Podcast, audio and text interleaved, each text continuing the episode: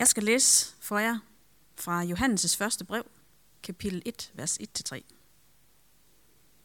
Det, som var fra begyndelsen, det, som vi har hørt, det, som vi har set med vores øjne, det, som vi betragtede og vores hænder rørte ved, livets ord. Og livet blev åbenbart, og vi har set det og vidner om det, og forkynder jer det evige liv, som var hos faderen og blev åbenbart for os.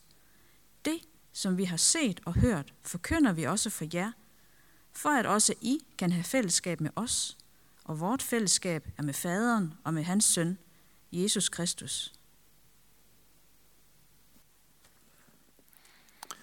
Og vi vil fortsætte med at læse om en brav kvinde i evangelierne. Det er fra Lukas evangeliet kapitel 1. Da Elisabeth var i 6. måned, blev englen Gabriel sendt fra Gud til en by i Galilea, der hedder Nazareth. Til en jomfru, der var forlovet med en mand, som hed Josef og var af Davids hus. Jomfruens navn var Maria. Og englen kom ind til hende og hilste hende med ordene. Herren er med dig, du benåede. Hun blev forfærdet over de ord og spurgte sig selv, hvad denne hilsen skulle betyde. Da sagde englen til hende, frygt ikke, Maria, for du har fundet noget for Gud. Se, du skal blive med barn og føde en søn, og du skal give ham navnet Jesus. Han skal blive stor og kaldes den højeste søn, og Gud Herren skal give ham hans fader Davids trone. Han skal være konge over Jakobs hus til evig tid, og der skal ikke være ende på hans rige. Maria sagde til englen, hvordan skal det gå til? Jeg har jo aldrig været sammen med en mand. Englen svarede hende, Helligånden skal komme over dig, og den højestes kraft skal overskygge dig. Derfor skal det barn, der bliver født, også kaldes helligt Guds søn. Også din slægtning Elisabeth har undfanget en søn nu i sin alderdom. Hun, om hvem man siger, at hun er ufrugtbar, er i 6. måned. For intet er umuligt for Gud. Da sagde Maria, Se, jeg er Herrens tjenerinde. Lad det ske mig efter dit ord. Og så forlod englen hende.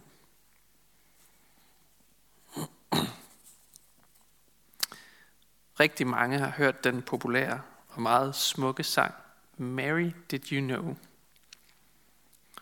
Tanken med sangen er, at Jesu mor Maria bliver spurgt, om hun må ved, hvad det barn, hun bærer, en dag vil blive til.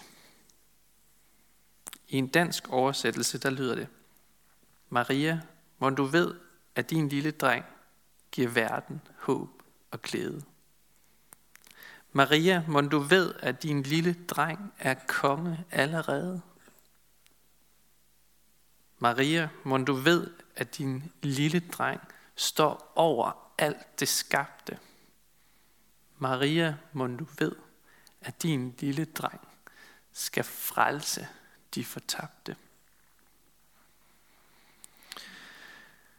Som vi, skal, som vi kan se i dagens tekst, så vidste Maria faktisk en hel del, allerede inden hun blev gravid. For englen Gabriel kom til hende og fortalte hende om, om det. Han skal blive stor, sagde han. Han skal kaldes den højestes søn, og Gud, Herren, skal give ham hans fader Davids trone til evig tid. Og det barn, du skal føde, skal kaldes helligt Guds søn. Det sagde englen til Gabriel. Så hun vidste en hel del. Maria vidste, at hun sagde ja til at bære Guds søn, den højeste søn, som skulle overtage Davids trone og være konge over Guds hus for evigt. Det var en stor mundfuld for sådan en ung pige. Vi kan nok aldrig helt sætte os ind i, hvad det fik af konsekvenser for hende. Hvad det betød for Maria den her dag. Forestil dig, hvordan det har været at skulle fortælle hendes forældre, ens forældre, at øh, nu er jeg altså blevet gravid. Og der kom en engel og Helligånden har gjort det. Yeah, right. Det var der nok ikke mange, der troede på. Forestil dig så, hvordan folk i byen havde set på Maria, da det blev kendt, at hun var gravid. Det var en kultur, hvor den slags ikke var accepteret. Der er formentlig blevet visket i krogene, om at hun havde været sammen med en romersk soldat eller sådan noget. Den skam, den blev hun nødt til at bære. Den tog hun på sig. Den opgave bar hun. Jeg forestiller mig, at det har været lidt ligesom Noah, der skulle bygge en kæmpe båd midt på land. Ja, grin I bare. Men en dag, så vil I forstå. Det var begyndelsen på en helt utrolig rejse for den her kvinde, som fik det tætteste forhold til Jesus, noget menneske på denne her jord har haft.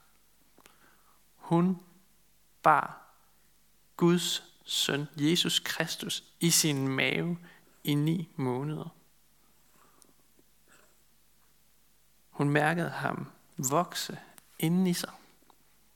Hun mærkede ham sparke på, i maven. Hun fødte ham. Hun ammede ham. Hun opdrog ham. Hun lærte ham at spise, tale og læse. I den periode er der vokset et stærkt bånd mellem mor og søn, som fik hende til at beordre tjenere til et bryllup om at gøre hvad som helst, han siger til brylluppet i Kana. Der har været tidspunkter i Marias liv, hvor hendes hjerte var fyldt af bekymringer. For eksempel den gang, da hun ledte efter Jesus i tre dage og ikke kunne finde ham. Og pludselig fandt ham blandt de lærte i templet. Der har været tidspunkter i Marias liv, hvor hendes hjerte har svulmet af stolthed over Jesus. Som den dag, han gav mad til 5.000 mennesker, som vi hørte sidste søndag. Og så har der været begivenheder, der har genboret Marias hjerte med smerte. Hendes hjerte er blevet knust den dag, da hun stod på Golgata og så sin søn hænge der og dø.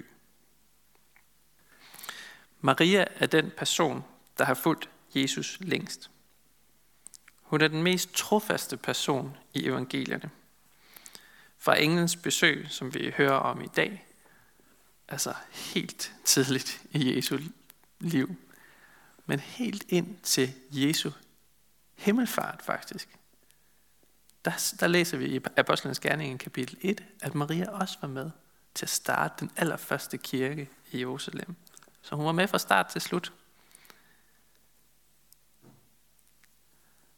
Igen og igen dukker Maria op, Maria, Marias oplevelser med Jesus op i evangelierne på helt afgørende tidspunkter i hans liv. Så kom ikke at sige, at kvinder ikke spiller en central plads i Bibelen. Jesus elsker og ærer og respekterer og velsigner kvinder. Selv da Jesus hang på korset, så tænkte han på sin mor og bad sin disciple Johannes om at passe på hende. Men hvad må Maria vidste mere? Hvad forstod hun? Det ved vi faktisk lidt om, for efter englens besøg, så sætter hun selv ord på det i det, vi kalder Marias lovsang. Hun siger, min sjæl ophøjer Herren, og min ånd fryder sig over Gud, min frelser. Maria vidste altså, at hun havde brug for en frelser. Hun vidste, at i os selv, så kan vi intet gøre for at blive frelst. Vi er afhængige af, at vi finder noget hos Gud. For frelsen afhænger ikke af noget i os selv. Maria var ikke udvalgt, fordi hun havde gjort et eller andet super duper fortjent til, for Gud. Nej, hun responderede derimod på Guds nåde Hun viste tillid, selvom hun ikke havde meget at byde ind med. Hun kaldte endda sig selv for Herrens ringetjenerinde. Hun fokuserer altså på, på Guds barmhjertighed, det der er uden for hende selv, ikke på sig selv. Ikke på hendes egne fortrin frem for andre. Hun stod foran den højeste, den hellige Gud, og så afslørede hendes frygt sig. Fordi hun har styr på sin teologi. Maria vidste, at i mødet med den her ophøjede Gud, den her rene og fantastiske Gud, der viser menneskets syndighed sig tindrende klart. Det kunne hun godt se. I mødet med ham, der viste hun ærlig ydmyghed, og hun erkendte sit behov for en frelser. Maria, hun vidste også, hvem hans frelser er. Med engles besøg får hun den klare besked, at det barn, hun skal bære, er Israels konge, og dermed også hendes konge, fordi hun var en del af Israels folk. Så hun skal altså føde en konge. Det siges direkte, at han skal være Davids søn, han skal være Guds søn, og han skal være Marias søn. Det lyder lidt skørt, men alle tre ting er vigtige at få med omkring Jesus. Det har nogle vilde implikationer. For det første, at være Davids søn, det indebærer ligesom at være aftager til det vigtigste, mest fantastiske kongerige, der nogensinde har eksisteret i Israel. Det kongerige, der havde været lagt i graven i århundreder, det skulle nu til at genopstå. Og Guds løfte om det her kongerige, det skulle nu til at opfyldes i det her lille barn. For det andet, så var Jesus Guds søn, som indebærer, at han er 100% guddommelig. Der er ikke skyggen af synd eller fejltrin eller menneskeligt fald i ham. Han er ren, han er stor, han er fyldt af Guds DNA. Hvis Gud har DNA, det ved jeg ikke, men det tror jeg. Og helligånden er i ham. Han er ikke skabt. Han har været fra evighed af. Og så er han for det tredje Marias søn, som indebærer, at han på samme tid er 100% menneske. Han er biologisk set Marias søn, og har også hendes DNA. Hvordan det rent teknisk skal forstås, det er uden for min fatteevne og forklaringsevne. Men det må vi ligesom overlade til troens område, det her. Men det, det, det er de implikationer, det her har. Det siger noget om, hvem Jesus han er. Jesus han er ikke halvt Gud og halvt menneske. Nej, han er helt Gud og helt menneske på samme tid. Hvor ufatteligt det anlyder. Han er ikke et produkt af to menneskers kærlighed. Nej, han er Gud mennesket.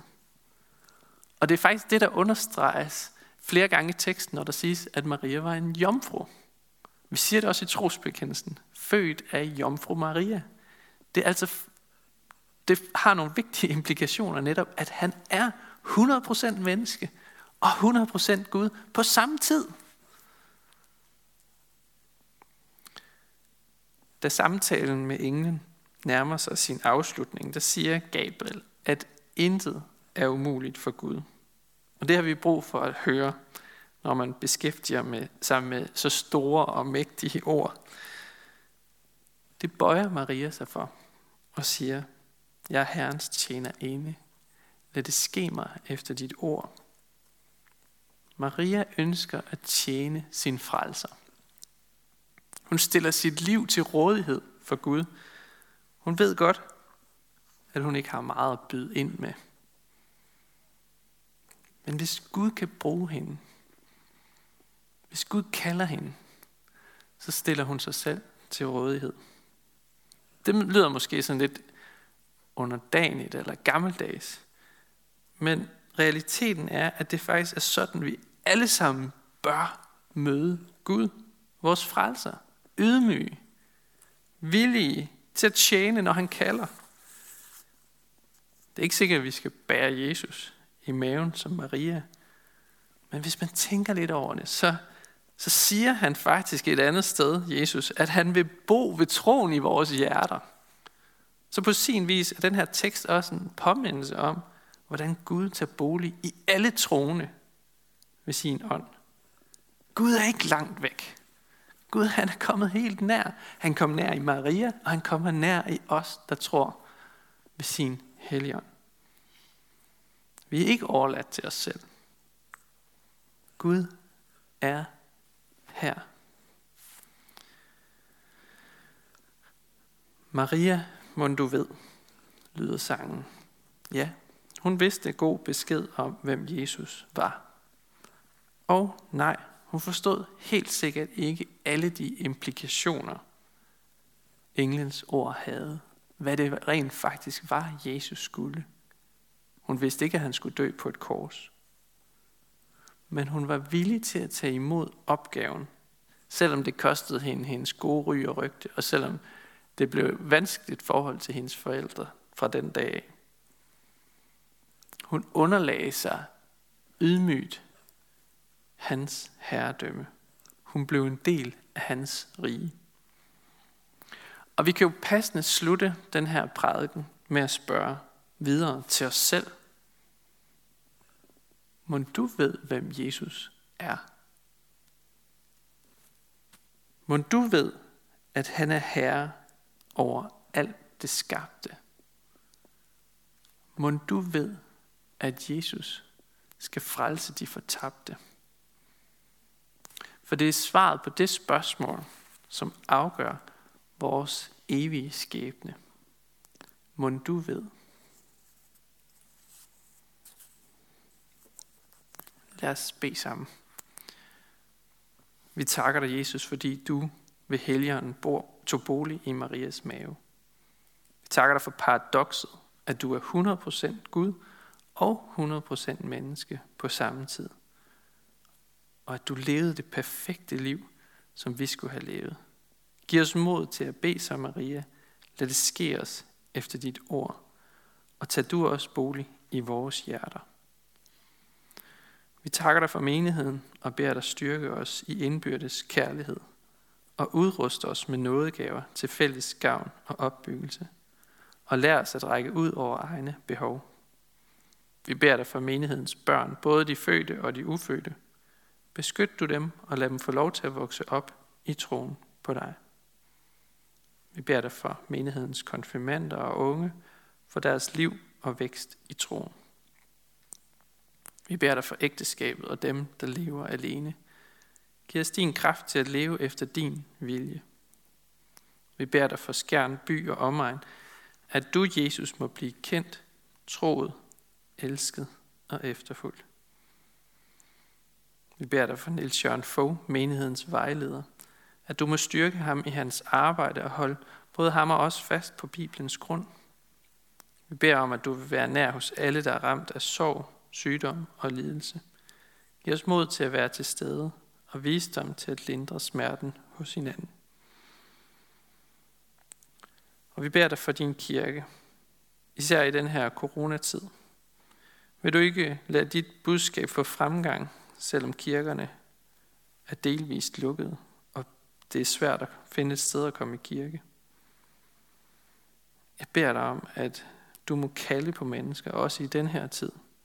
Bank på på deres hjerter, så evangeliet om dig må spredes over hele jorden. Jeg beder dig om, at du må styrke troen hos dem, der bliver forfulgt. Vi beder for vores folk, for alle dem, der er blevet betroet magt og autoritet, til at styre os igen den her tid. Hjælp dem og os til at værne hinanden mod uret og vold, og kom så snart og gør alting nyt. Amen.